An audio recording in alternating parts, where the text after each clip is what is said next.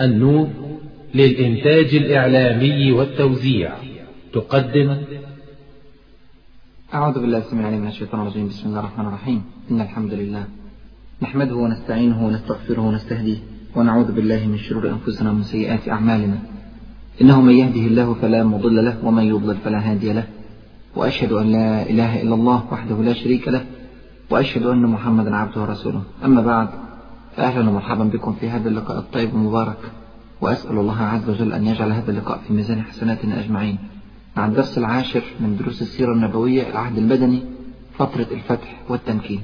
في الدرس السابق تحدثنا عن خيانة بني بكر وقريش للعهد الذي بينها وبين رسول الله صلى الله عليه وسلم وقتل عدد من رجال خزاعة المحالفة للدولة الإسلامية في ذلك الوقت.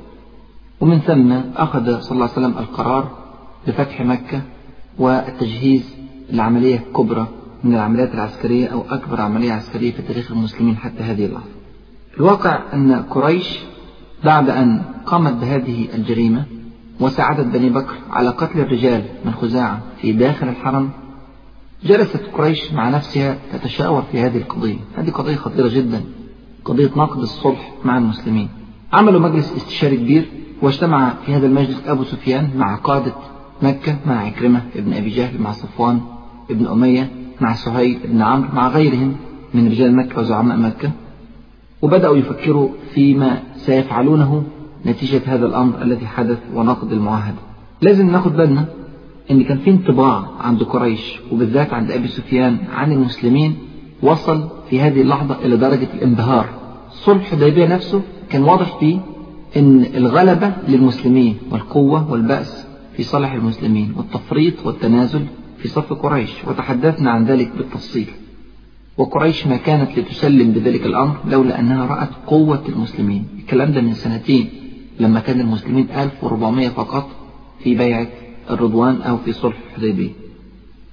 ثم إن أبو سفيان سبحان الله سافر إلى غزة للتجارة وهناك التقى مع هرقل في اللقاء الذي تحدثنا عنه قبل ذلك ودارت بينهما المحاورة العجيبة وخرج أبو سفيان من هذه المحاورة بانطباع هائل عن رسول الله صلى الله عليه وسلم لدرجة أنه ضرب يدا بيد وقال لقد أمر أمر ابن أبي كبشة يقصد الرسول صلى الله عليه وسلم إنه لا يخافه ملك بني الأصفر. هرقل فما زلت موقنا. والكلام لأبي سفيان يوم قابل هرقل قال فما زلت موقنا أنه سيظهر حتى أدخل الله عليه الإسلام. الشاهد إن أبو سفيان كان شايف أن الرسول صلى الله عليه وسلم أمره سيظهر في يوم من الأيام.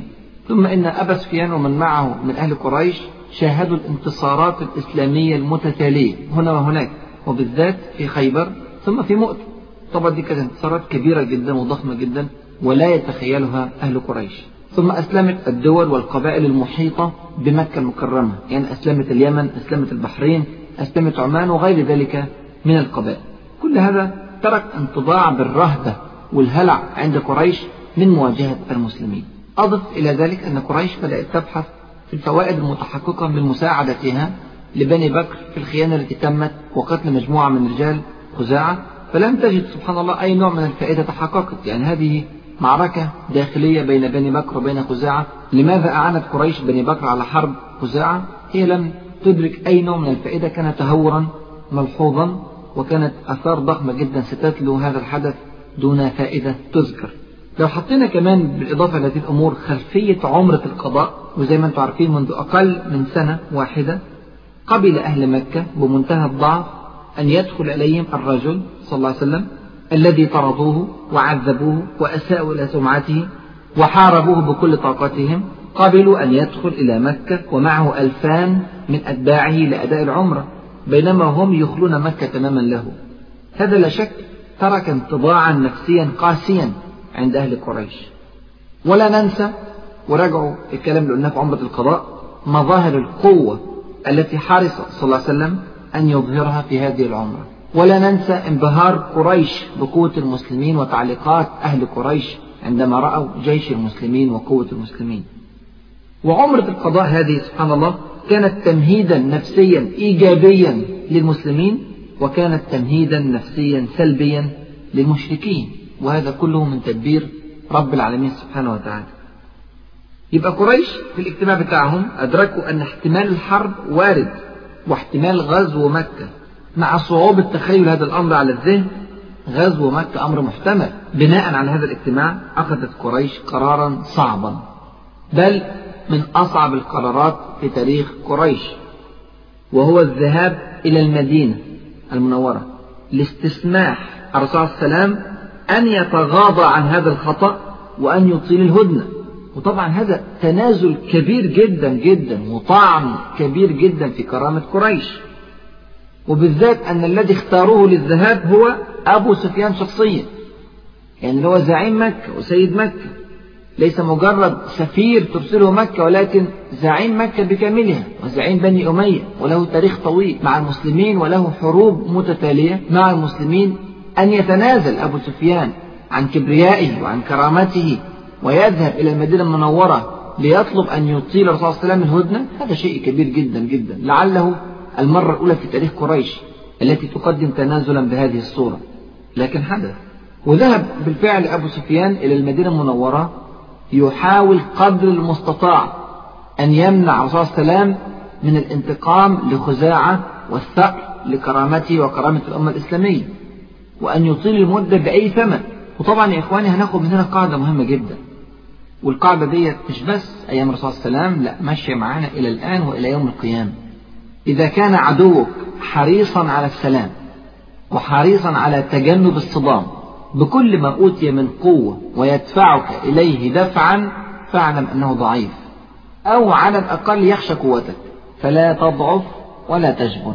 فأدي أبو سفيان كي يحاول قدر المستطاع أن يتجنب الصدام وسنجد الوقفة الإسلامية أمام أبي سفيان. أول ما دخل المدينة المنورة ذهب إلى ابنته. وخلي بالك بنت أبي سفيان سبحان الله كانت زوجة صلى الله وسلم أم حبيبة رضي الله عنها وأرضاها أم المؤمنين. والتقى أبو سفيان مع أم حبيبة رضي الله عنها والمفروض أن هذا اللقاء لقاء بعد غياب حوالي 16 سنة متصل. تعرفين أم حبيبة رضي الله عنها هاجرت إلى الحبشة وفضلت قاعدة في الحبشة فترة طويلة من الزمان ثم تزوجها الرسول صلى الله عليه وسلم وأتت إلى المدينة المنورة ولم تمر بمكة منذ ستة عشر عاما متصلة. العلاقة بينها وبينه منقطعة فترة طويلة. فكان أبو سفيان يظن أن تستقبله أم حبيبة استقبالا حافلا أبوها فترة طويلة من الزمان ما شافوش بعض. لكن سبحان الله هو لسه جاي يقعد على الفراش ليتحدث معها. إذا بقى تطوي الفراش وتمنعه من الجلوس استغرب أبو سفيان. أرغبت بي عن هذا الفراش أو رغبت به عني؟ يعني إيه الكلام ده يعني أنت مش عايزين أقعد على الفراش لأن الفراش عظيم عندك ومكرم عندك أكثر مني؟ ولا شايفين رجل عظيم لا أقعد على هذا الفراش المتواضع فراش الرسول صلى الله عليه وسلم. فقالت السيدة أم حبيبة في صلابة وفي قوة هو فراش رسول الله صلى الله عليه وسلم وأنت مشرك نجس فلم أحب أن تجلس على فراشه. فقال أبو سفيان يا بني والله لقد أصابك بعدي شر. ثم خرج. الواقع يا إخواني نحتاج أن نقف هنا وقفة مع موقف السيدة أم حبيبة رضي الله عنها. المحلل لهذا الموقف قد يقول إن هذا موقف فيه نوع من الغلظة الغير مقبولة من السيدة أم حبيبة مع أبيها أبي سفيان. والواقع أنا أقول نعم في أي ظرف من الظروف هذه تكون غلظة إلا في هذا الظرف. نخلي بالنا أن أبو سفيان مش إنسان عادي. أبو سفيان هو زعيم مكة المكرمة. والجميع في المدينة المنورة يعلم أن هناك نقض للمعاهدة التي تمت بين المسلمين وبين قريش وأنه قد جاء إلى المدينة المنورة لكي يطيل المدة وبالذات أن الرسول صلى الله عليه وسلم أنبأهم بذلك قبل أن يأتي أبو سفيان في معجزة نبوية ظاهرة. قال صلى الله عليه وسلم كأنكم بأبي سفيان قد جاءكم يشد في العقد ويزيد في المدة فالناس عارفة أن هو جاي لهذا الغرض. لذلك أرادت أم حبيبة رضي الله عنها وأرضاها أن تقف هذه الوقفة الصلبة الجريئة القوية مع أبيها ليعلم أبو سفيان أن المسلمين جميعا صف واحد وأنهم جميعا على قلب رجل واحد حتى إن ابنته أم حبيبة رضي الله عنها وقفت مع الرسول الله عليه ضد أبيها ضد أبي سفيان. طبعا ده ترك انطباع سلبي كبير جدا جدا عند أبي سفيان وعرف أنه واقف قدام ناس صعب جدا جدا يحاربهم. وطبعا مش ده السلوك الإسلامي العام مع الرحم المشرك أو الرحم غير المسلم. لأن الله عز وجل كما نعرف جميعا أمر بمصاحبة الآباء والأمهات المشركين بالمعروف. قال سبحانه وتعالى وإن جاهداك على أن تشرك بما ليس لك به علم فلا تطعهما وصاحبهما في الدنيا معروفا. واللي بيأكد على هذا المعنى ما روته السيدة أسماء بنت أبي بكر رضي الله عنهما عندما قالت والحديث في البخاري قالت قدمت علي أمي وهي مشركة في عهد قريش إذ عاهدوا رسول الله صلى الله عليه وسلم. يعني جاءت في نفس الفترة التي نتحدث عنها فترة الصلح الحديبية فالسيدة أسماء سألت الرسول صلى الله عليه وسلم وقالت له يا رسول الله إن أمي قدمت علي وهي راغبة أفأصلها؟ هي مشركة خلي بالك. قال نعم صليها. هو ده الأصل في المعاملة. لكن موقف أبي سفيان بالذات موقف مختلف. وطبعا موقف السيدة أم حبيبة كان موقف صحيح بدليل سكوت رسول الله صلى الله عليه وسلم عن هذا التصرف من السيدة أم حبيبة رضي الله عنها ورضي الله عن الصحابة أجمعين. المهم خرج أبو سفيان من عند السيدة أم حبيبة بهذه الصدمة الكبيرة واتجه مباشرة إلى الرسول عليه الصلاة والسلام ليحاول أن يطيل المدة كما ذكرنا. تحدث مع الرسول صلى الله عليه وسلم وذكر له رغبته لكن سبحان الله الرسول صلى الله عليه وسلم رفض تماما أن يرد عليه. مجرد الرد لم يفعله صلى الله عليه وسلم. وهي طبعا عارفين أن هذا ليس هو التصرف المعتاد من الرسول صلى الله عليه وسلم. عارفين الرسول صلى الله عليه وسلم دائما كان يحسن استقبال الضيوف ويكرم الضيوف وبالذات أن هذا رجل زعيم من زعماء قريش. وكان يستمع منهم الرسول صلى الله عليه وسلم ويقبل منهم ويتحاور معهم لكن هذا لم يحدث في هذا الموقف. لنفس الغرض الرسول صلى الله عليه وسلم يريد الآن أن يفتح مكة يريد أن يستغل هذه الفرصة السانحة ولا يريد بكلمات أبي سفيان أن تؤثر عليه بصورة من الصور. ومع ذلك هو لم ينفعل على أبي سفيان ولم يقل له فعلتم كذا وكذا وكذا ولم يهدد ولم يذكر كلاما شديدا مع أبي سفيان. كل ذلك لكي لا يلفت نظر أبي سفيان إلى أن احتمال فتح مكة والهجوم على مكة أصبح أمرا واردا الآن. فآثر صلى الله عليه وسلم أن يسكت وأن يصمت ولا يرد على أبي سفيان بكلمة. أبو سفيان مع أن هذه إصابة كبيرة جدا جدا لكرامته أن يتفاوض مع الرسول صلى الله عليه وسلم ثم لا يقبل صلى الله عليه وسلم أن يرد عليه أصلا خرج بهذه الأزمة النفسية الكبيرة إلى أبي بكر الوزير الأول لرسول الله صلى الله عليه وسلم. وطبعا إحنا كنا نتوقع من أبي سفيان أن يعود أدراجه إلى مكة المكرمة وقد غضب غضبا شديدا وثار ثورة كبيرة. وينقلب بجيشه على المدينة المنورة ثأرا لكرامته لكن كل هذا لم يحدث لأنه ضعيف جدا جدا ويعلم أنه ضعيف أمام هذه الصلابة الإسلامية الواضحة. ذهب أبو سفيان إلى أبي بكر وطلب منه نفس الكلام لكن الصديق رضي الله عنه قال له في صرامة واضحة ما أنا بفاعل لن أتوسط بينك وبين الرسول صلى الله عليه وسلم. فخرج أبو سفيان من عند أبي بكر بالصدمة الثالثة إحنا قلنا أول صدمة كانت مع أم حبيبة. رضي الله عنها الصدمة الثانية مع الرسول صلى الله عليه وسلم والصدمة الثالثة مع أبي بكر ومع ذلك لم ييأس أبو سفيان.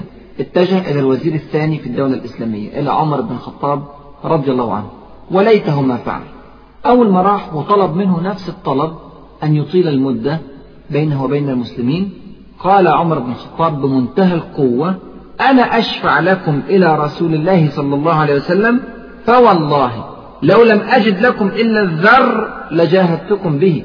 لو معايا جيش من النمل أقاتلكم به. سبحان الله شوف قد إيه قوة وصلابة عمر بن الخطاب رضي الله عنه.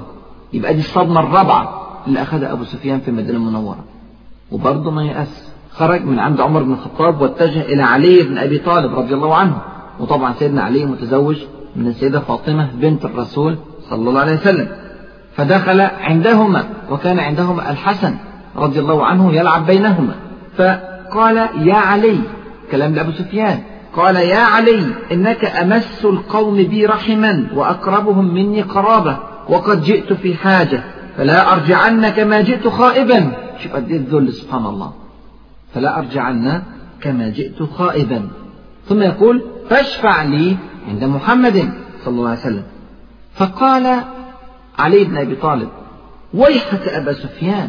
والله لقد عزم رسول الله صلى الله عليه وسلم على أمر ما نستطيع أن نكلمه فيه.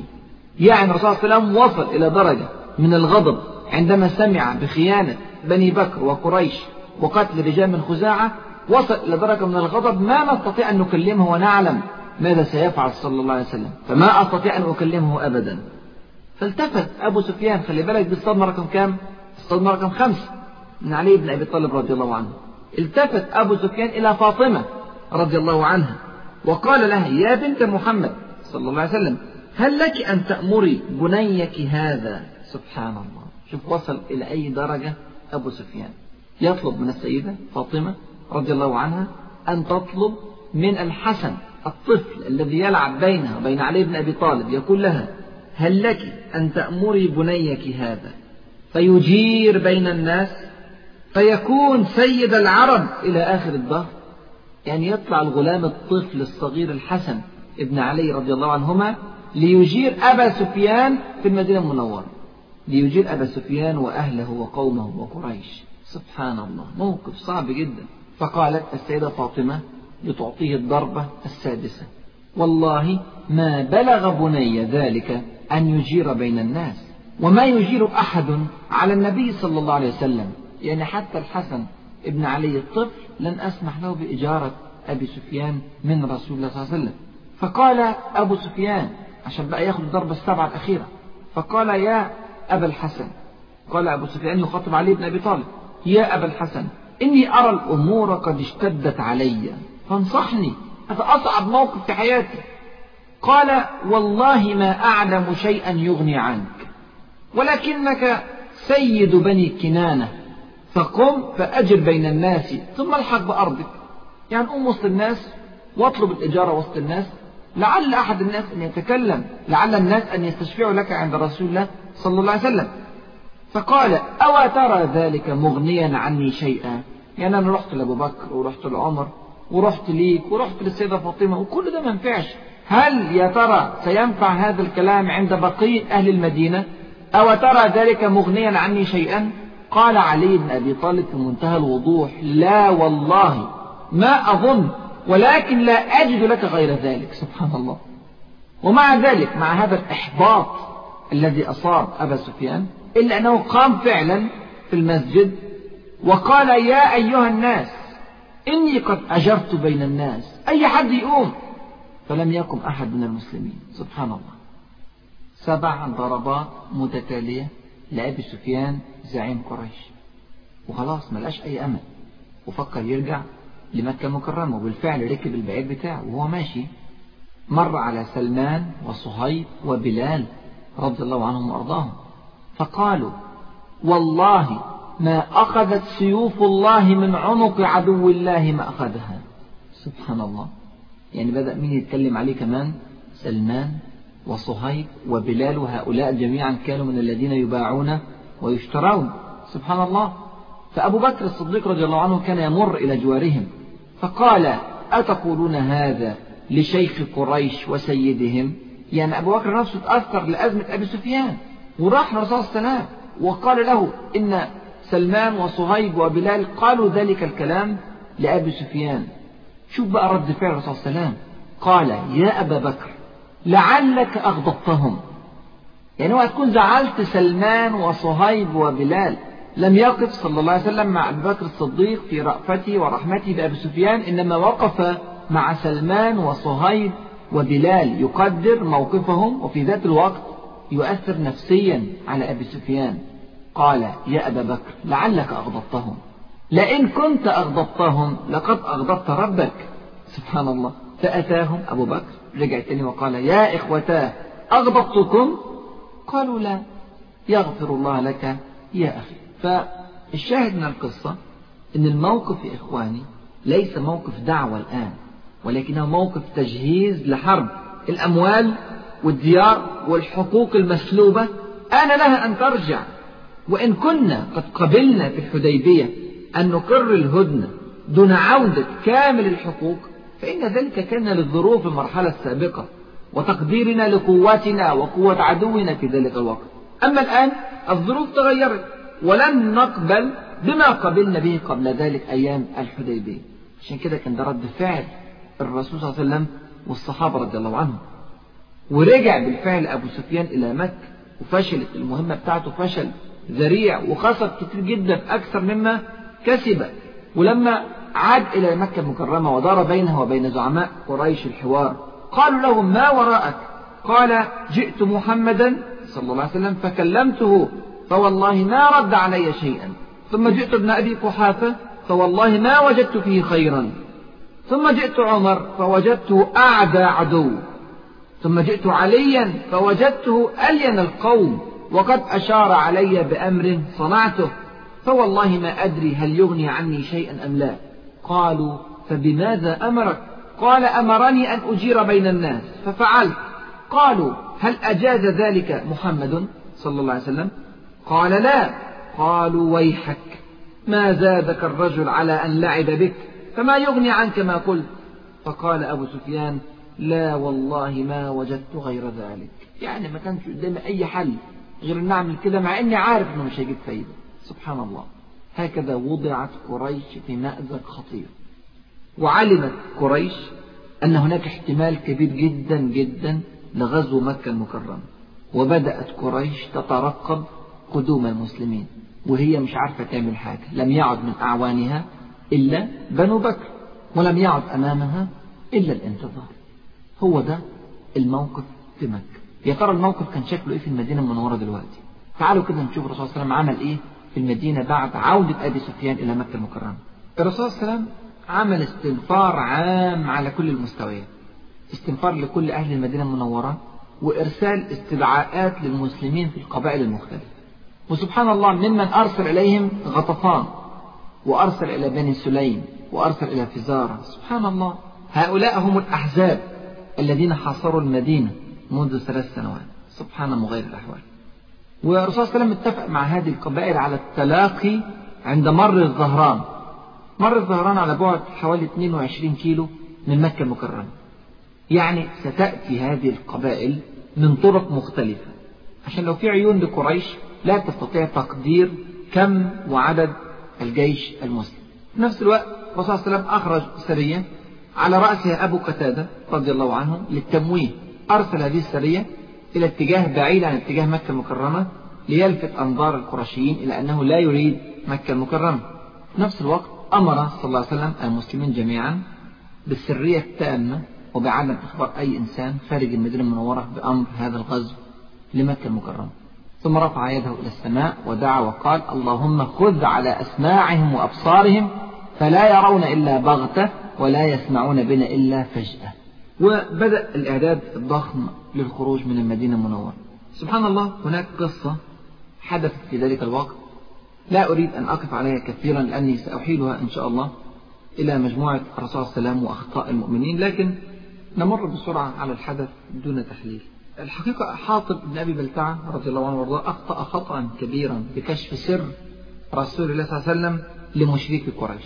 أرسل إليهم رسالة تخبرهم أن رسول الله صلى الله عليه وسلم قادم إليهم طب ليه عمل كده؟ عشان ليه عيلة؟ بمكة مكرمة خشي عليها من بطش قريش. وليست له عائلة كبيرة أو قبيلة كبيرة بمكة تدافع عن أسرته. فهو رجل حليف ليس من أهل مكة الأصليين. وطبعا هذا الأمر لا يبرر أبدا له هذا الخطأ الكبير. لكن هو ده اللي حصل. ونزل الوحي يكشف الرسول صلى الله عليه وسلم هذا الأمر. واستطاع الرسول صلى الله عليه وسلم أن يرسل من يأتي بالرسالة التي أرسلها. وطبعا أحبط هذه المحاولة. هذا الصحابي الجليل إخواني لم يرتكب هذا الخطأ لأنه من المنافقين بل هي لحظة ضعف خاف فيها على أسرته. ولكن الرسول صلى الله عليه وسلم سبحان الله عفى عنه وتجاوز عن هذا الخطأ لسابق تاريخه رضي الله عنه وأرضاه في الإسلام. وطبعا كما هو معروف حاطب رضي الله عنه من أهل بدر. عشان كده الرسول صلى الله عليه وسلم منع عمر من إيذائه وقال له إنه قد شهد بدرا. وما يدريك لعل الله اطلع على من شهد بدرا فقال اعملوا ما شئتم فقد غفرت لكم. طبعا الموضوع بيحتاج إلى تفصيل وزي ما قلنا إن شاء الله هنتكلم فيه بالتفصيل في مجموعة أخطاء المؤمنين. المهم الرسول صلى الله عليه وسلم خرج بالفعل من المدينة المنورة وكان هذا الخروج في عشرة رمضان سنة ثمانية من الهجرة. واتجه مباشرة إلى مكة المكرمة وفي الطريق سبحان الله بدأت البشريات التي جاءت للمسلمين. أولا في طريقه بمجرد أن خرج من المدينة المنورة لقي العباس بن عبد المطلب رضي الله عنه وأرضاه عم الرسول صلى الله عليه وسلم ومن أحب الناس إلى قلبه صلى الله عليه وسلم. وطبعا في علامة استفهام كبيرة جدا جدا في تأخر إسلام العباس رضي الله عنه وأرضاه. حتى من قال أنه قد أسلم أيام بدر لم يفسر تفسيرا واضحا بقاءه في مكة المكرمة دون هجرة كل هذه السنوات. ومن قال أنه كان يبقى في مكة لنقل الأخبار الرسول صلى الله عليه وسلم لم يقم على ذلك أحد الأدلة. لكن سبحان الله الحمد لله أنه هاجر قبل أن يصل الرسول صلى الله عليه وسلم إلى مكة المكرمة وذلك أسعد الرسول صلى الله عليه وسلم جدا سر سرورا عظيما برؤية العباس رضي الله عنه وأرضاه. منضم العباس إلى قوة المسلمين وهيكون له دور سبحان الله إيجابي زي ما هنشوف في فتح مكة المكرمة. ثم أكمل الرسول صلى الله عليه وسلم الطريق وقد زادت قوة المسلمين بالعباس رضي الله عنه. فوجد رجلين آخرين سبحان الله. أبو سفيان ابن الحارث وعبد الله ابن أمية. واحد ابن عم الرسول صلى الله عليه وسلم والثاني ابن عمة الرسول صلى الله عليه وسلم. وهؤلاء كان من أشد الناس على رسول الله صلى الله عليه وسلم. وجاء من مكة المكرمة إلى المدينة ليعلن إسلامهما بين يدي الرسول صلى الله عليه وسلم. وتخيل من شدة إيذائهما للرسول صلى الله عليه وسلم أن الرسول صلى الله عليه وسلم كان رافض أنه يقابلهم مع أنه صلى الله عليه وسلم كان يفرح كثيرا بمن أتى إليه مسلما. إلا أنه رفض في البداية أن يقابلهم من شدة إيذائهما له في فترة مكة المكرمة. لولا أن السيدة أم سلمة رضي الله عنها وكانت مصاحبة لرسول الله صلى الله عليه وسلم في الفتح توسطت لهما عند رسول الله صلى الله عليه وسلم وبالفعل الرسول صلى الله عليه وسلم قابلهما وقبل منهما الإسلام بعد أن أعلن التوبة الكاملة بين يديه صلى الله عليه وسلم. فدي طبعا كانت بشريات أنه الحمد لله بدأت بشائر مكة تظهر وواضح أن أثر الخيانة الذي حدث في مكة واضطراب الوضع في مكة وهزيمة مكة النفسية أثرت كثيرا على معنويات أهل مكة فبدأوا يفكروا جديا في قضية الإسلام. الرسول صلى الله عليه وسلم أكمل الطريق سبحان الله زي ما قلنا هذا الخروج كان في رمضان 8 هجرية وخرج الجيش صائما. وصام معظم الطريق حتى وصل إلى كراع الغميم. عارفين كراع الغميم تقريبا على بعد حوالي 60 كيلو أو أكثر شوية من مكة المكرمة. عند كراع الغميم جاء إليه بعض الصحابة وأخبروه أن الناس قد شق عليهم الصيام. الكلام ده كان بعد صلاة العصر. فماذا فعل صلى الله عليه وسلم؟ رد فعله سبحان الله كان عجيب. دعا صلى الله عليه وسلم بقدح فيه ماء ورفعه حتى نظر الناس إليه. كل الناس شايفاه. ثم شرب صلى الله عليه وسلم. الكلام ده في صحيح مسلم عن جابر بن عبد الله رضي الله عنه. بنلاقي في الموقف ده إن الرسول صلى الله عليه وسلم عقد مقارنة سريعة هامة. في الظرف الذي يمر به مقارنة بين الصوم وبين الجهاد في سبيل الله. الصوم عبادة عظيمة جدا وكما قال الله عز وجل في الحديث القدسي كل عمل ابن آدم له إلا الصوم فإنه لي وأنا أجزي به. الكلام ده في البخاري ومسلم عن أبي هريرة.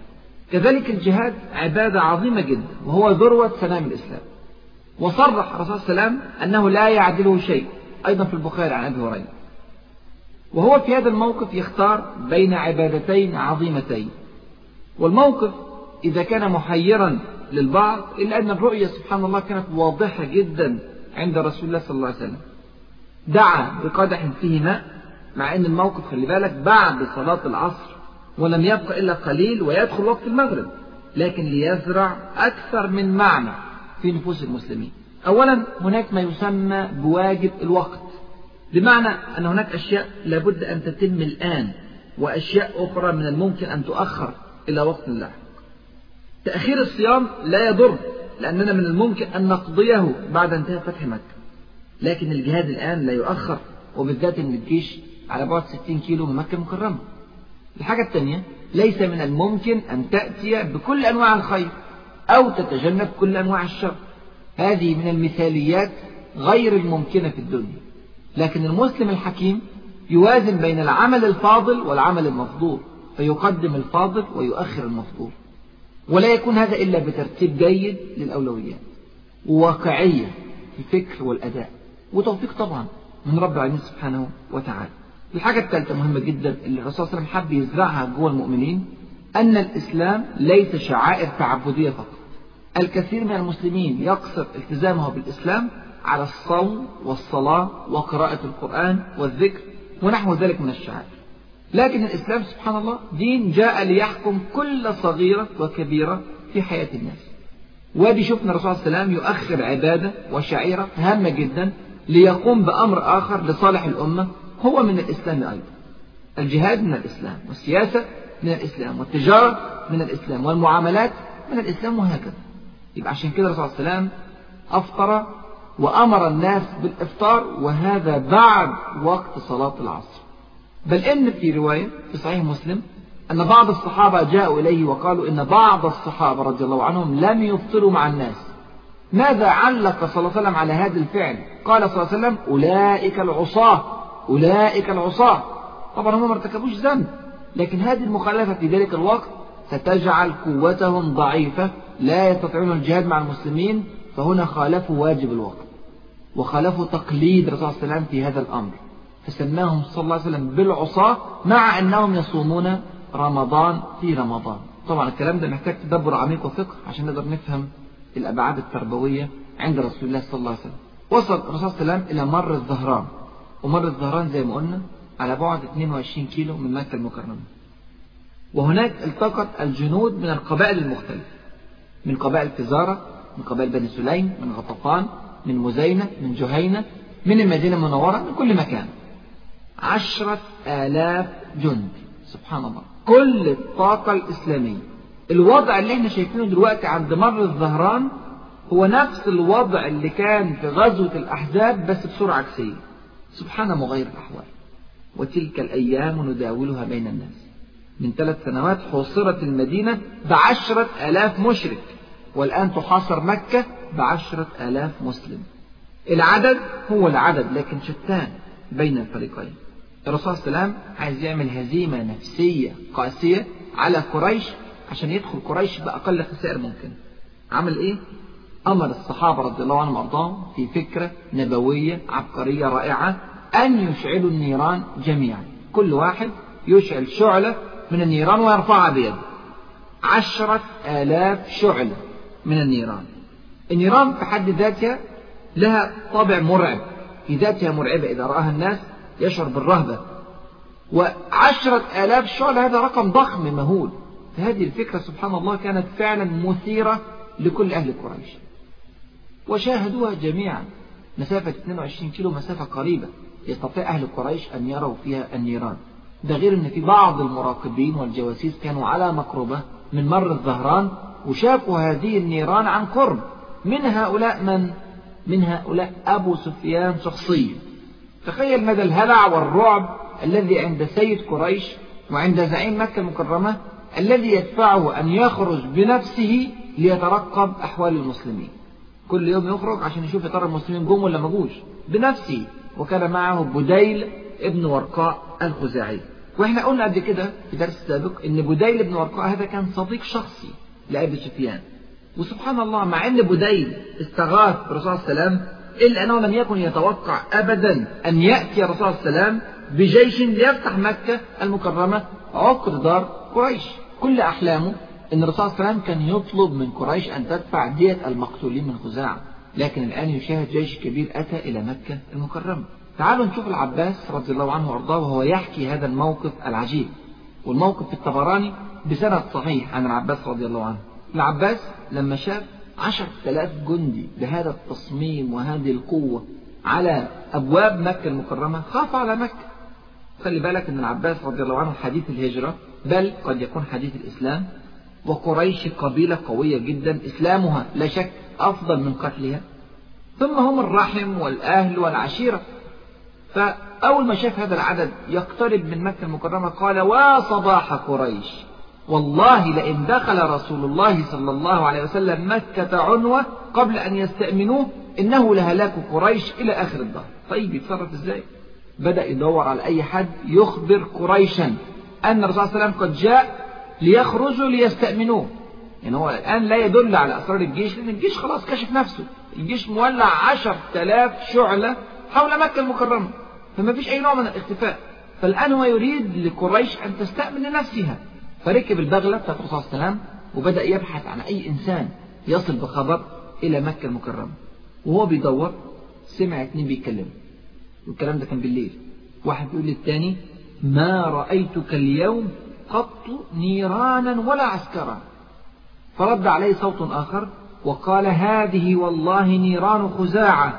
حمشتها الحر يعني خزاعة جاءت لتنتقم لنفسها من قريش.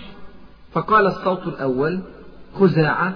خزاعة والله أذل وألأم من أن تكون هذه نيرانها وعسكرها. فالاثنين بيتناقشوا يا ترى مين هذه القوات التي جاءت تحاصر مكة المكرمة؟ سمعهم العباس بن عبد المطلب كما ذكرنا فعرف الصوت. الصوت الأول سبحان الله كان أبو سفيان. أبو سفيان بنفسه طالع يراقب الموقف. وصوت الثاني كان بديل بن ورقاء الخزاعي. وطبعا زي ما قلنا قبل كده برضو إن بديل بن ورقاء كان عايش في داخل مكة المكرمة.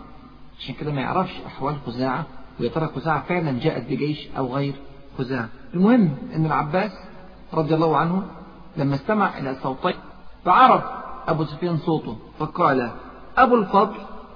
أبو الفضل هو العباس بن المطلب. فقلت نعم. الكلام للعباس رضي الله عنه يقول فقلت نعم. قال ما لك؟ فداك أبي وأمي. فقلت ويحك يا أبا سفيان. هذا رسول الله صلى الله عليه وسلم في الناس وصباح قريش والله. قال فما الحيلة؟ فداك أبي وأمي. أعمل إيه؟ تصرف إزاي؟ سبحان الله. قال قلت والله لئن ظفر بك ليضربن عنقك. فاركب معي هذه البغلة حتى آتي بك رسول الله صلى الله عليه وسلم. أستأمنه لك. سبحان الله. أبو سفيان وافق دون تردد. موقفه صعب جدا يا إخواني وهذا زعيم قريش. شيء صعب جدا على التخيل. لكن وافق دون تردد انصاع تماما لنصيحة العباس بن عبد المطلب رضي الله عنه وركب خلفه على بغلة الرسول صلى الله عليه وسلم وانطلق إلى رسول الله صلى الله عليه وسلم. ورجع بديل بن ورقاء إلى مكة المكرمة. وهم رايحين الرسول صلى الله عليه وسلم كلما مروا على نار من نيران المسلمين قالوا من هذا؟ اسألوا ترى مين اللي راكب البغلة؟ فيقولوا هذه بغلة الرسول صلى الله عليه وسلم وهذا عم الرسول صلى الله عليه وسلم. فالناس إيه؟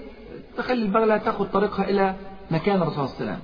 إلى أن مروا على نار عمر بن الخطاب رضي الله عنه وأرضاه. وطبعا ده مش أي حد كده يعدي عليه بسهولة. سبحان الله. فقال من هذا؟ وقام إلي. كلام العباس بيحكي. فقام بص لا العباس. لكن مين اللي ورا العباس؟ أبو سفيان. آه. جالك الموت يا أبو سفيان. سبحان الله. عمر بن الخطاب قال في منتهى القوة أبو سفيان عدو الله الحمد لله الذي أمكن منك بغير عقد ولا عهد. وقرر طبعا يقتل أبو سفيان. سيدنا العباس رضي الله عنه شاف طبعا موقف عمر بن الخطاب خد أبو سفيان وطلع جاري عليه وسلم. هو راكب البغلة لكن البغلة كانت بطيئة وعمال يجري بيها. ومن الناحية الثانية عمر بن الخطاب بيجري هو كمان عشان يلحق الرسول صلى الله عليه وسلم قبل ما يخش عليه العباس. لكن العباس دخل على الرسول صلى الله عليه وسلم قبل ما يخش عمر بن الخطاب.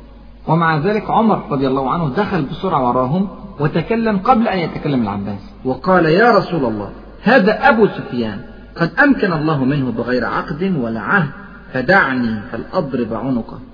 طبعا هذا تاريخ طويل جدا يا إخواني بين أبي سفيان وبين المسلمين. حروب متتالية قادها أبو سفيان ضد المسلمين. ذكريات أليمة جدا جدا عند المسلمين من وراء أبي سفيان وكفاح أبي سفيان ضد المسلمين. فعمر بن الخطاب رضي الله عنه في هذا الموقف يريد أن ينتصر لله عز وجل ويقتل أبا سفيان. لكن العباس بن عبد المطلب قال لرسول الله صلى الله عليه وسلم يا رسول الله إني أجرته إني أجرت أبا سفيان. ثم جلست إلى صلى الله عليه وسلم والكلام العباس فأخذت برأسه فقلت لا والله لا يناجيه الليلة رجل دوني. فلما أكثر عمر في شأنه قلت مهلا يا عمر. سيدنا العباس عمال يحاول يدافع عن أبي سفيان وعمر من الناحية الأخرى عمال يهاجم ويصر على قتل أبي سفيان. هنا العباس قال مهلا يا عمر أما والله لو كان من رجال بني عدي بن كعب ما قلت هذا؟ ولكنك عرفت أنه رجل من رجال بني عبد مناف. يعني علشان مش في بني عدي أنت مش بتدافع عنه عايز تقتله. قال عمر بن الخطاب مهلا يا عباس فوالله لإسلامك يوم أسلمت كان أحب إلي من إسلام الخطاب لو أسلم. الخطاب اللي هو أبوه شخصيا. طب ليه الكلام ده؟ قال عمر وما بي إلا أني قد عرفت أن إسلامك كان أحب إلى رسول الله صلى الله عليه وسلم من إسلام الخطاب.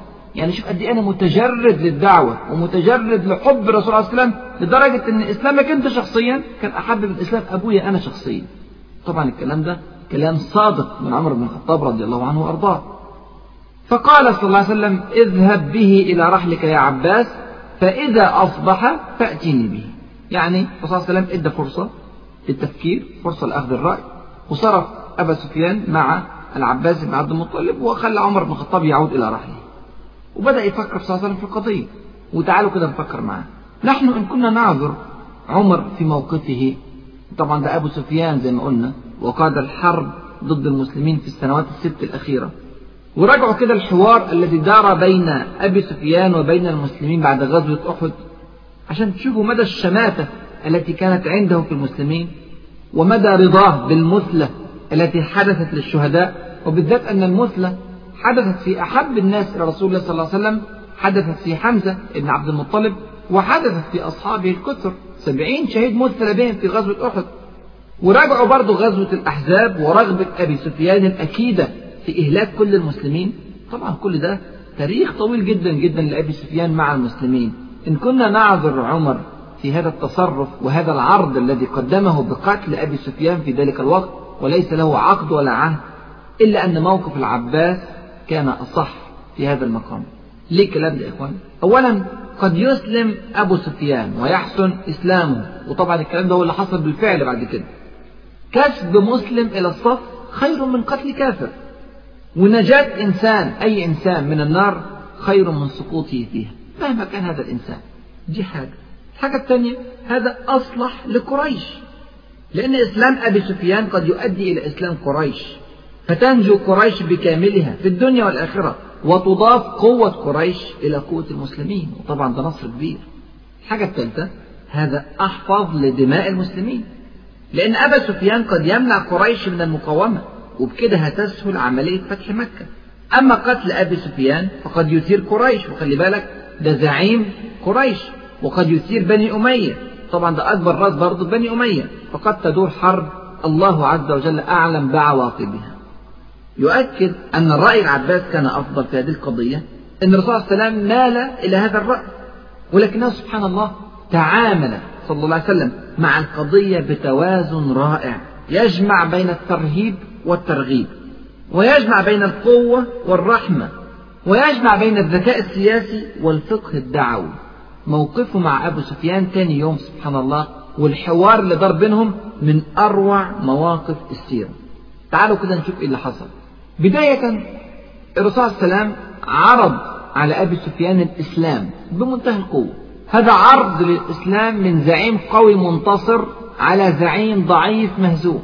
وهو يعرض عليه الإسلام لنجاته وإلا في الأصل أن الرسول صلى الله عليه وسلم في حل من دماء قريش لأنهم خلفوا صلح الحديبية وقتلوا رجالا من خزاعة حليفة المسلمين. فعرض عليه الإسلام بصيغة فيها ترهيب واضح. قال ويحك يا أبا سفيان ألم يأن لك أن تعلم أن لا إله إلا الله؟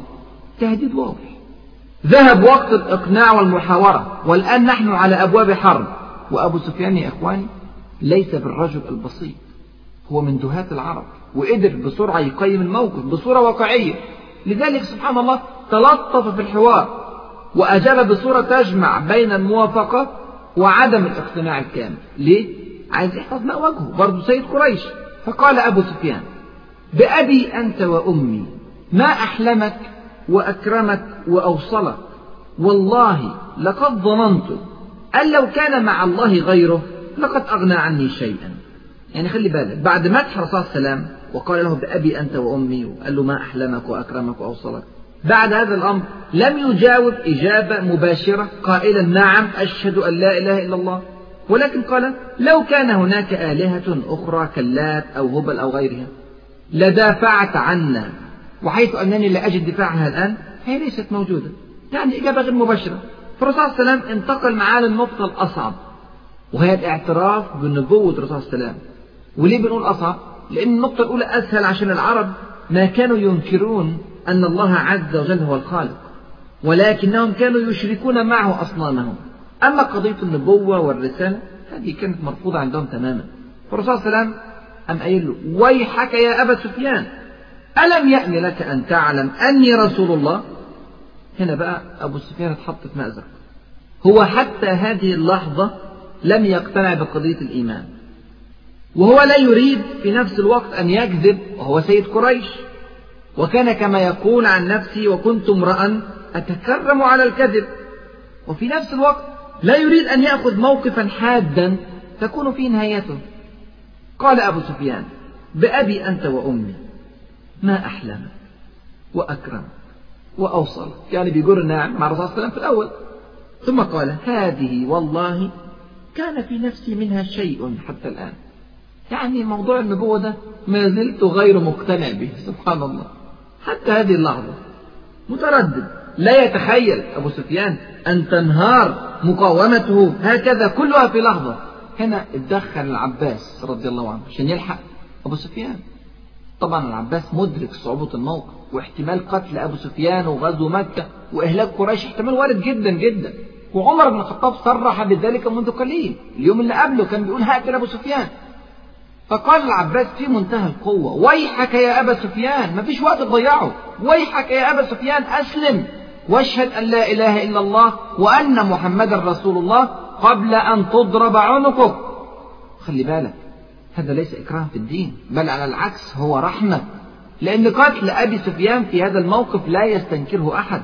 وهو يصنف في أعراف الدول بمجرم الحرب لأنه دبر اغتيال جماعي قبل ذلك لسكان المدينة المنورة في غزوة الأحزاب. هذا غير فتنة الناس عن دينهم. طول سنوات مكة والمدينة غير إن هو نقض عهده مع الرسول صلى الله عليه وسلم في صلح الحديبية وخلاص أصبح مستحل الدم وهذا في عرف الجميع مقبول. إسلامه هنا يرفع عنه عقوبة مستحقة وله الخيار. أبو سفيان رجل واقعي أدرك خطورة الموقف ولذلك نطق بالشهادتين مباشرة. أشهد أن لا إله إلا الله وأن محمدا رسول الله. أعلم إسلامه أمام الرسول صلى الله عليه وسلم والعباس بن عبد المطلب رضي الله عنه ليخرج من الموقف لكن كما نعلم العباس صديق قديم لأبي سفيان. ويرى الأزمة التي وضع فيها أبو سفيان.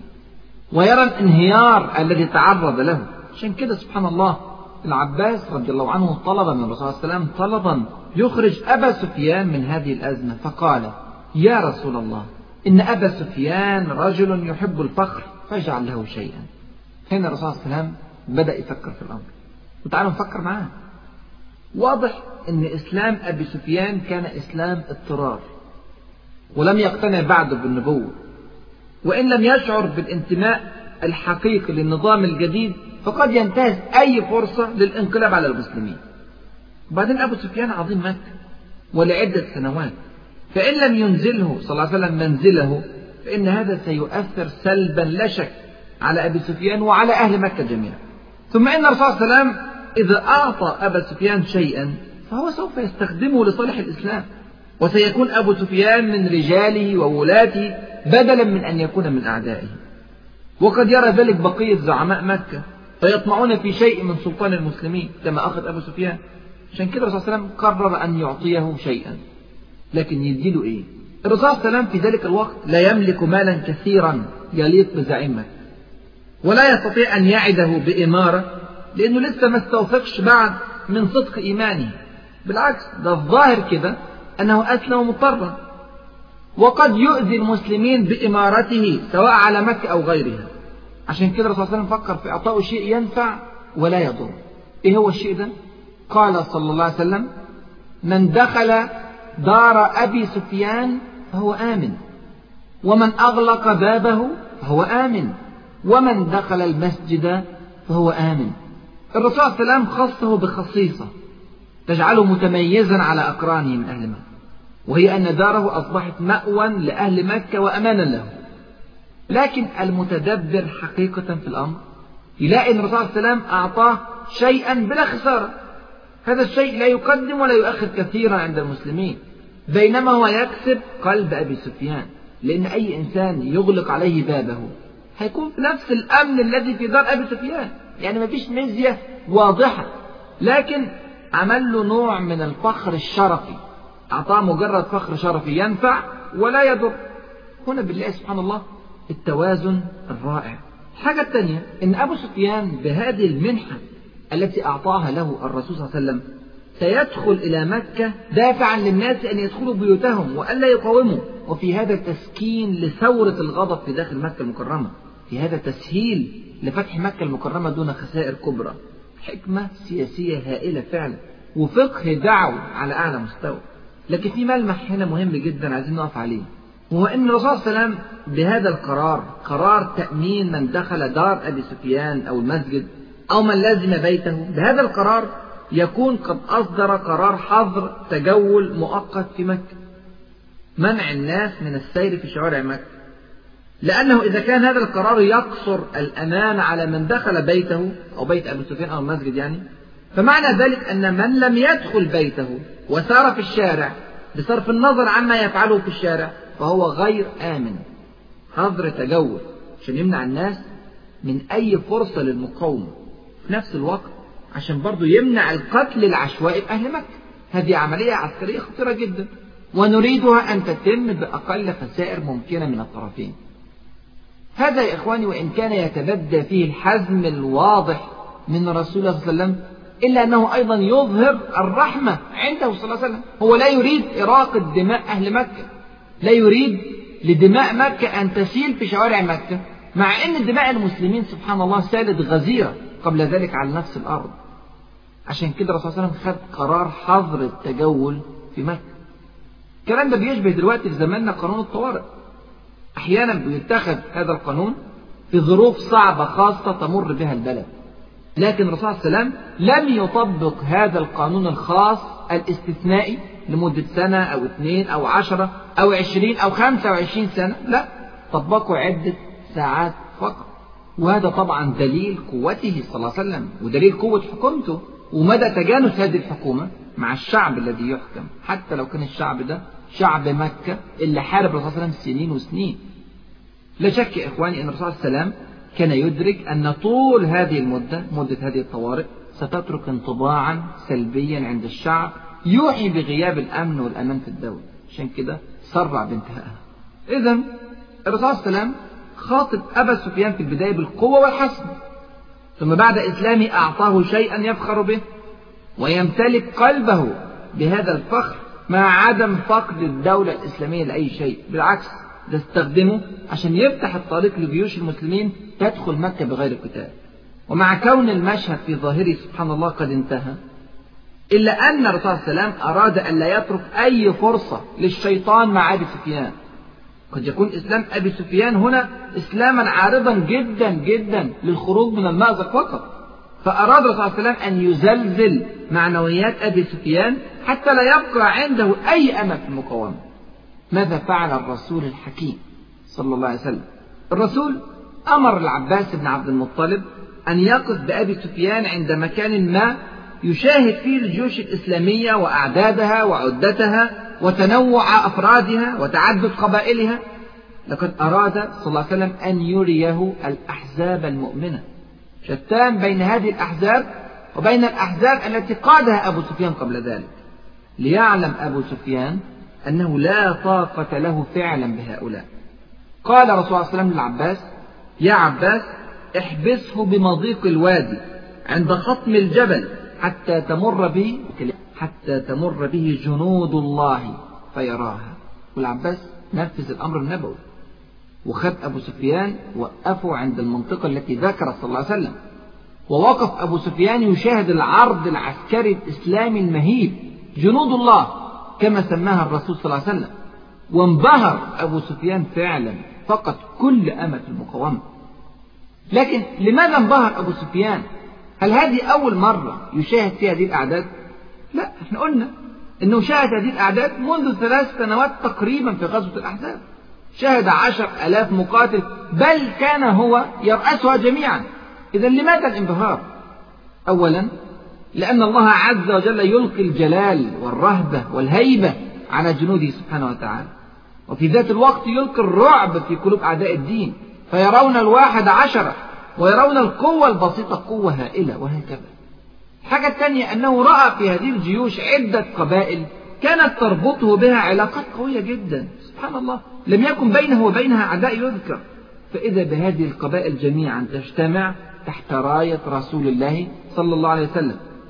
الحاجة الثالثة وحدة الصف التي رآها أبو سفيان. اجتماع الجميع على قلب رجل واحد. الألفة والمودة والصلابة التي في أعينهم وفي مشيتهم وفي تصميمهم. الكلام ده كله زلزل. أبا سفيان مشهد يدعو إلى انبهار. أي مراقب؟ لا شك إخواني وأخواتي أن انبهار أعداء الأمة بالصف المسلم المتحد أمر لا ينكر. كم رأينا من قوى عالمية تخشى طائفة بسيطة من المسلمين لا لشيء ولكن لقوة إيمانهم ووحدة صفهم وحسن إعدادهم والتاريخ يتكرر. تعالوا نشوف وصف العباس رضي الله عنه لحالة أبي سفيان عند رؤية الجيوش الإسلامية.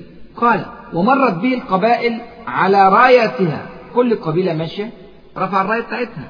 فكلما مرت قبيلة قال أبو سفيان من هؤلاء؟ فأقول والكلام للعباس سليم. فيقول ما لي ولسليم يعني ما عملت إيه لسليم؟ لماذا تأتي وتحاربني الآن؟ ما لي ولسليم أو كيف طاقتي بسليم؟ يقول فتمر القبيلة الأخرى. فيقول من هؤلاء؟ فأقول مزينة. فيقول ما لي ولمزينة. وهكذا. كلما مرت قبيلة سأل من هؤلاء؟ فيرد العباس بنو فلان بنو فلان. هكذا. فيقول مالي ولبني فلان. حتى مر رسول الله صلى الله عليه وسلم في الخضراء. خضراء كتيبة فيها المهاجرون والأنصار كما يقول العباس بن عبد المطلب. لا يرى منهم إلا الحدق يعني الكتيبة سبحان الله مغطاة بالدروع والسلاح لا ترى إلا أعينهم من خلال الدروع. قال أبو سفيان وهو في أشد حالات الانبهار سبحان الله. من هؤلاء يا عباس؟ قلت هذا رسول الله صلى الله عليه وسلم في المهاجرين والأنصار. قال أبو سفيان في منتهى اليأس ما لأحد بهؤلاء قبل ولا طاقة. والله يا أبا الفضل لقد أصبح ملك ابن أخيك الغداة عظيما. قلت يا أبا سفيان إنها النبوة. ده مش ملك هذه نبوة. فقال فنعم إذا يعني فعلا دلوقتي اقتنع أن هذه نبوة. قلت النجاء إلى قومك. قال فخرج أبو سفيان حتى إذا جاءهم صرخ بأعلى صوته يا معشر قريش هذا محمد قد جاءكم بما لا قبل لكم به. خلي بالك هنا بيحقق الغرض للرسول صلى الله عليه وسلم من أجله أعطاه هذا الفقر. هذا يمنع قريش الآن من المقاومة. يحقن دماء قريش وفي ذات الوقت يحقن دماء المسلمين. فقه سياسي عالي جدا يا إخواني. قال هذا محمد قد جاءكم بما لا قبل لكم به. ثم قال فمن دخل دار أبي سفيان فهو آمن. وما قالش الكلام الثاني ما قالش من دخل داره ومن دخل المسجد. اكتفى بالحتة بتاعته ليظهر فخره. فمن دخل دار أبي سفيان فهو آمن. فقامت إليه امرأته. طبعا أنتم عارفين متجوز مين؟ هند بنت عتبة من أشد المقاومين للإسلام ومن أشد المحاربين له. فأخذت بشاربه وقالت للجميع اقتلوا الدسم الأحمس. هذا السمين. أبو سفيان اقتلوه. طبعا تصب زوجها أمام الناس فبئس من طليعة قوم.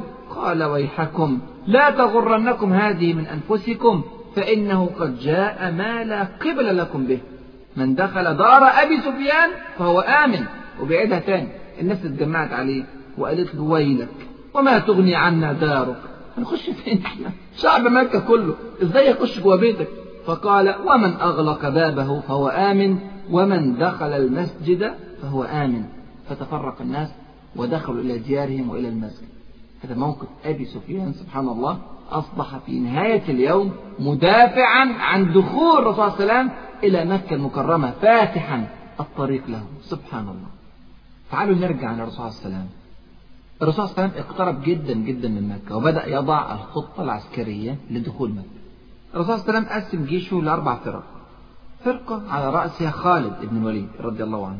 وهذه تدخل من جنوب مكة. وهذه فرقة فرسان فرقة قوية جدا. الفرقة الثانية على رأسها الزبير بن العوام رضي الله عنه تدخل من كداء كداء هذه في شمال مكة المكرمة. وبرضه دي فرقة فرسان.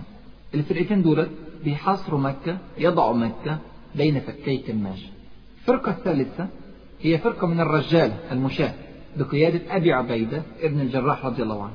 أما الفرقة الرابعة هي فرقة الأنصار رضي الله عنهم وعلى رأسها سعد ابن عباد رضي الله عنه وأرضاه. وفي هذه الفرقة كان يسير رسول الله صلى الله عليه وسلم. والرسول صلى الله عليه وسلم إدى أوامره للأربع فرق بالالتقاء عند الصفا. كل فرقة تيجي من ناحية تدخل مكة المكرمة ثم يلتقوا جميعا عند جبل الصفا بالقرب من البيت الحرام. طب إيه الوضع داخل مكة؟ معظم الناس في مكة استمعوا لكلام أبي سفيان ودخلوا أحد الأماكن الآمنة. إما دخلوا المسجد الحرام أو دخلوا بيوتهم أو دخلوا دار أبي سفيان. لكن زعماء قريش من غير أبي سفيان قرروا القيام بمحاولة يائسة للمقاومة لعلها تنجح. وهي جمع أوباش قريش. يعني إيه أوباش قريش؟ يعني العبيد الفقراء عوام الناس. يدفعوا بهؤلاء الأوباش إلى قتال الجيش الإسلامي على أن يرأس هؤلاء عكرمة ابن أبي جهل وصفوان بن أمية أشهر فرسان قريش. والنتيجة في حسابات القرشيين الزعماء واحدة من اثنين. إما نصر فسيكون هذا النصر للسادة وإما هزيمة فساعتها سيسلمون للرسول صلى الله عليه وسلم بما يريده. ولو كانت الهزيمة قاسية وفقد الجيش فهؤلاء هم الأوباش. لا قيمة لهم عندهم. سبحان الله. هكذا يا إخواني وأخواتي الجيوش العلمانية النصر للسادة والتضحية والبذل للعبيد. أقصى أحلام الجندي المنتصر في الجيوش العلمانية أن يعطى نيشانا أو عدة عشرات أو مئات من الجنيهات. وخلاص. وعند الهزيمة يحصدون بالآلاف والملايين. أما السادة في الجيوش العلمانية فيحتفلون بالنصر ولا يدفعون أثمان الهزائم. وطبعا الكلام ده خلاف الجيوش الإسلامية تماما.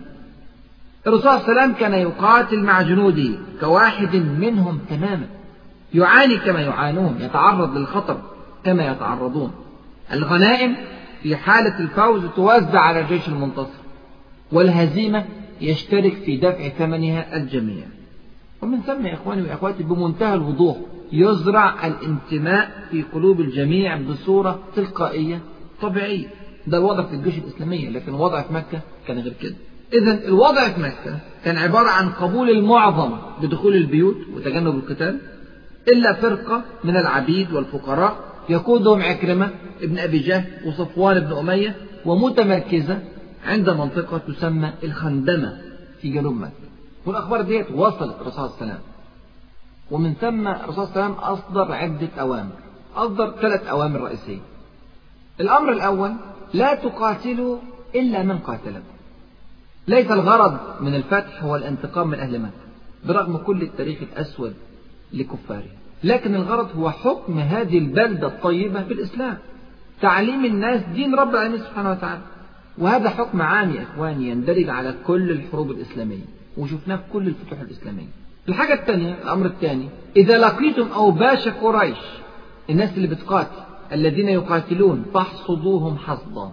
في مقابل الرحمة في الأمر الأول هناك الحزم والحسم والقوة في الأمر الثاني. لابد أن يرى أهل الباطل قوة المسلمين وبأسهم وعندها ستلين قناتهم وسيسلس قيادهم وهذا أحفظ لدمائهم ودماء المسلمين. الأمر الثالث في منتهى الأهمية وخطير جدا إهدار دم مجموعة من كفار مكة. هذه المجموعة ارتكبت جرائم شنيعة في حق الدولة الإسلامية وهي جرائم لا تغتفر. للدرجة التي جعلت رسول الله صلى الله عليه وسلم وهو المشهور بالرحمة والمعروف بالرفق واللين يقول اقتلوهم ولو تعلقوا بأستار الكعبة كانوا بضعة عشر رجلا وامرأة. وكانت هذه دلالة واضحة جدا على جدية الدولة الإسلامية وعدم قبول الدولة الإسلامية بأي حال من الأحوال. أن يسخر أحد منها أو من رموزها. وبالذات أن معظم هؤلاء الذين أهدر دمهم كانت جريمتهم هي سب الرسول صلى الله عليه وسلم والسخرية منه والتعريض به والتهكم عليه. ولا يخفى على أحد أن الطعن في رسول الله صلى الله عليه وسلم ليس كالطعن في أي قائد هو ليس مجرد زعيم للدولة الإسلامية بل هو ناقل عن رب العزة ورسول من رب العالمين سبحانه وتعالى. الطعن فيه طعن في دين وشرع وقانون وكيان الدولة الإسلامية. وهو ما لا يجب أن ينسى بسهولة.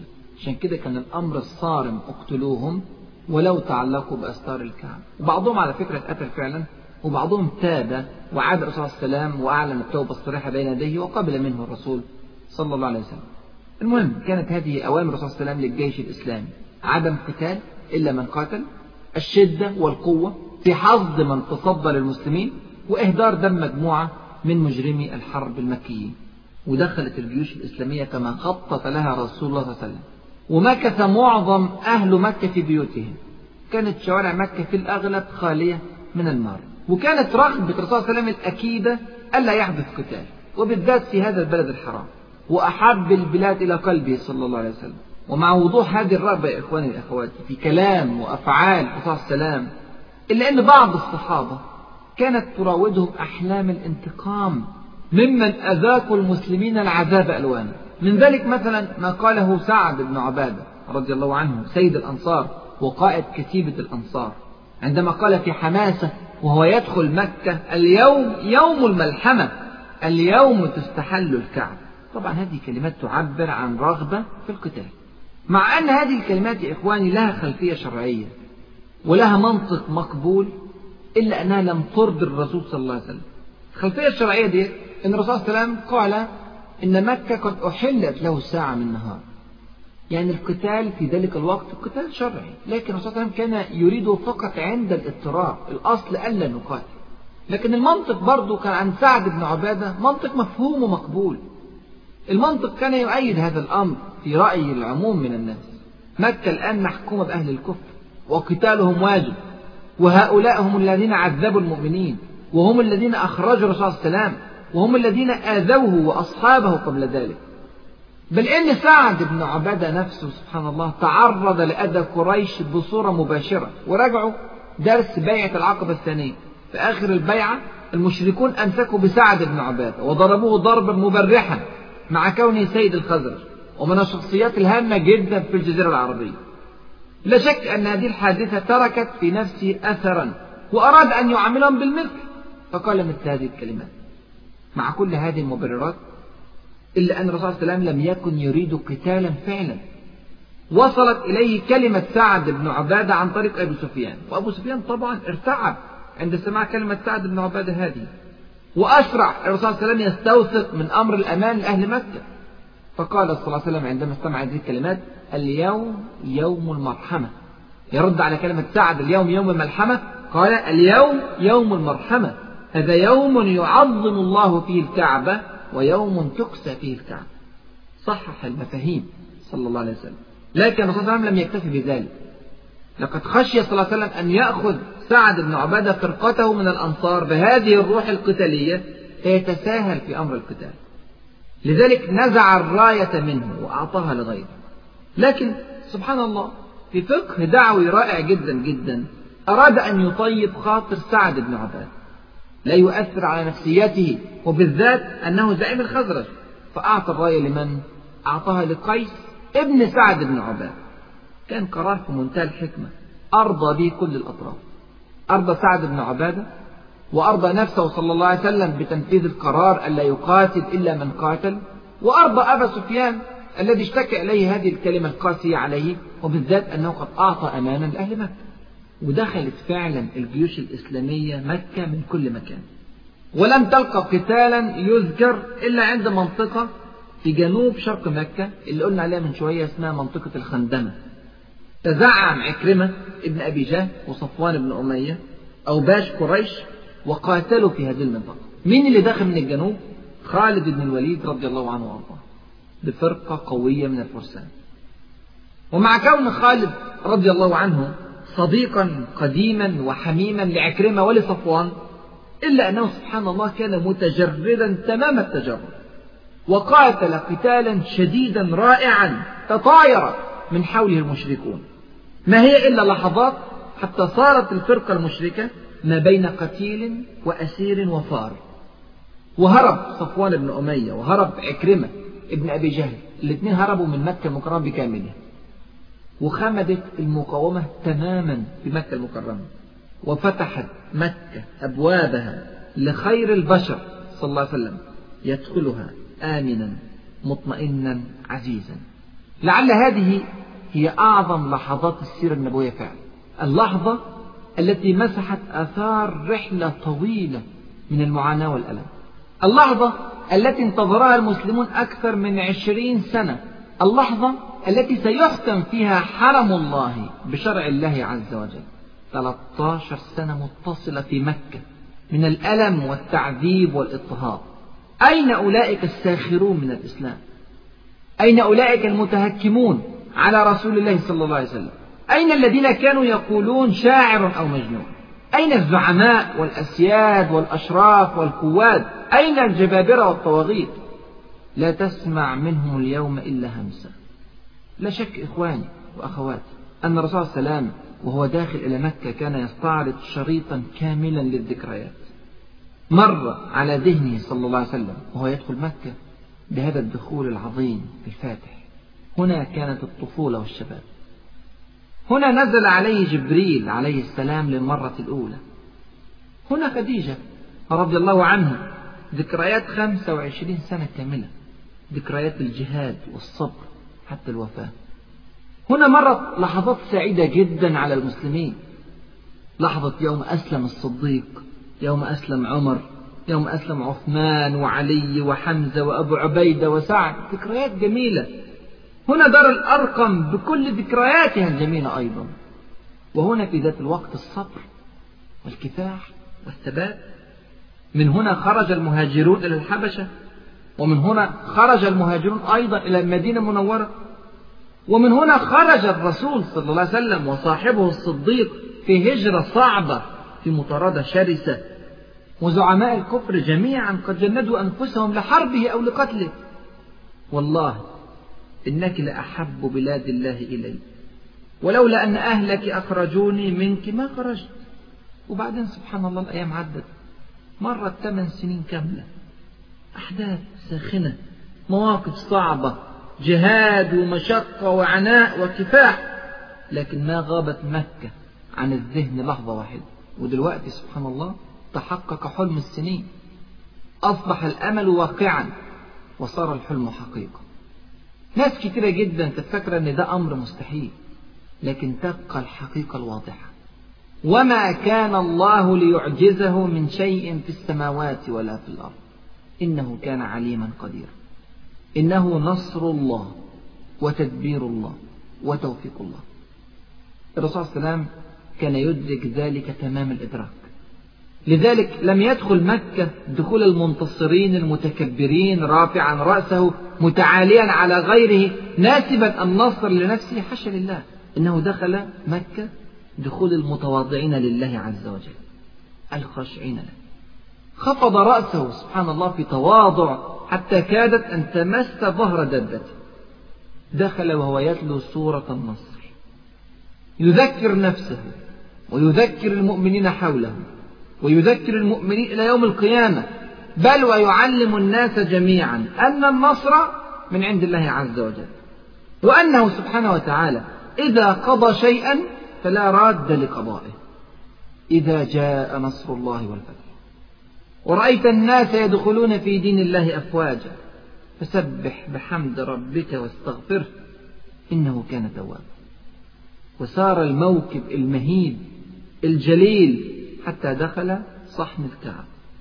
ليبدأ الرسول صلى الله عليه وسلم ومن اللحظة الأولى في إعلان إسلامية الدولة وربانية التشريع وليرسخ القاعدة الأصيلة إن الحكم إلا لله. ونسأل الله عز وجل أن يعز الإسلام والمسلمين وأن يرفع رايات الموحدين وأن يرينا يوما تفتح فيه بلاد الأرض بالإسلام.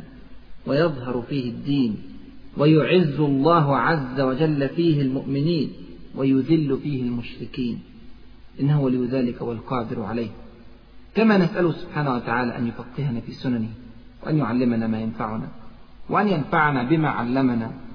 ونسأله سبحانه وتعالى أن يجمعنا على الخير دائما. فستذكرون ما أقول لكم. وأفوض أمري إلى الله. إن الله بصير بالعباد وجزاكم الله خيرا كثيرا. السلام عليكم ورحمة الله وبركاته. مع تحيات النور للإنتاج الإعلامي والتوزيع.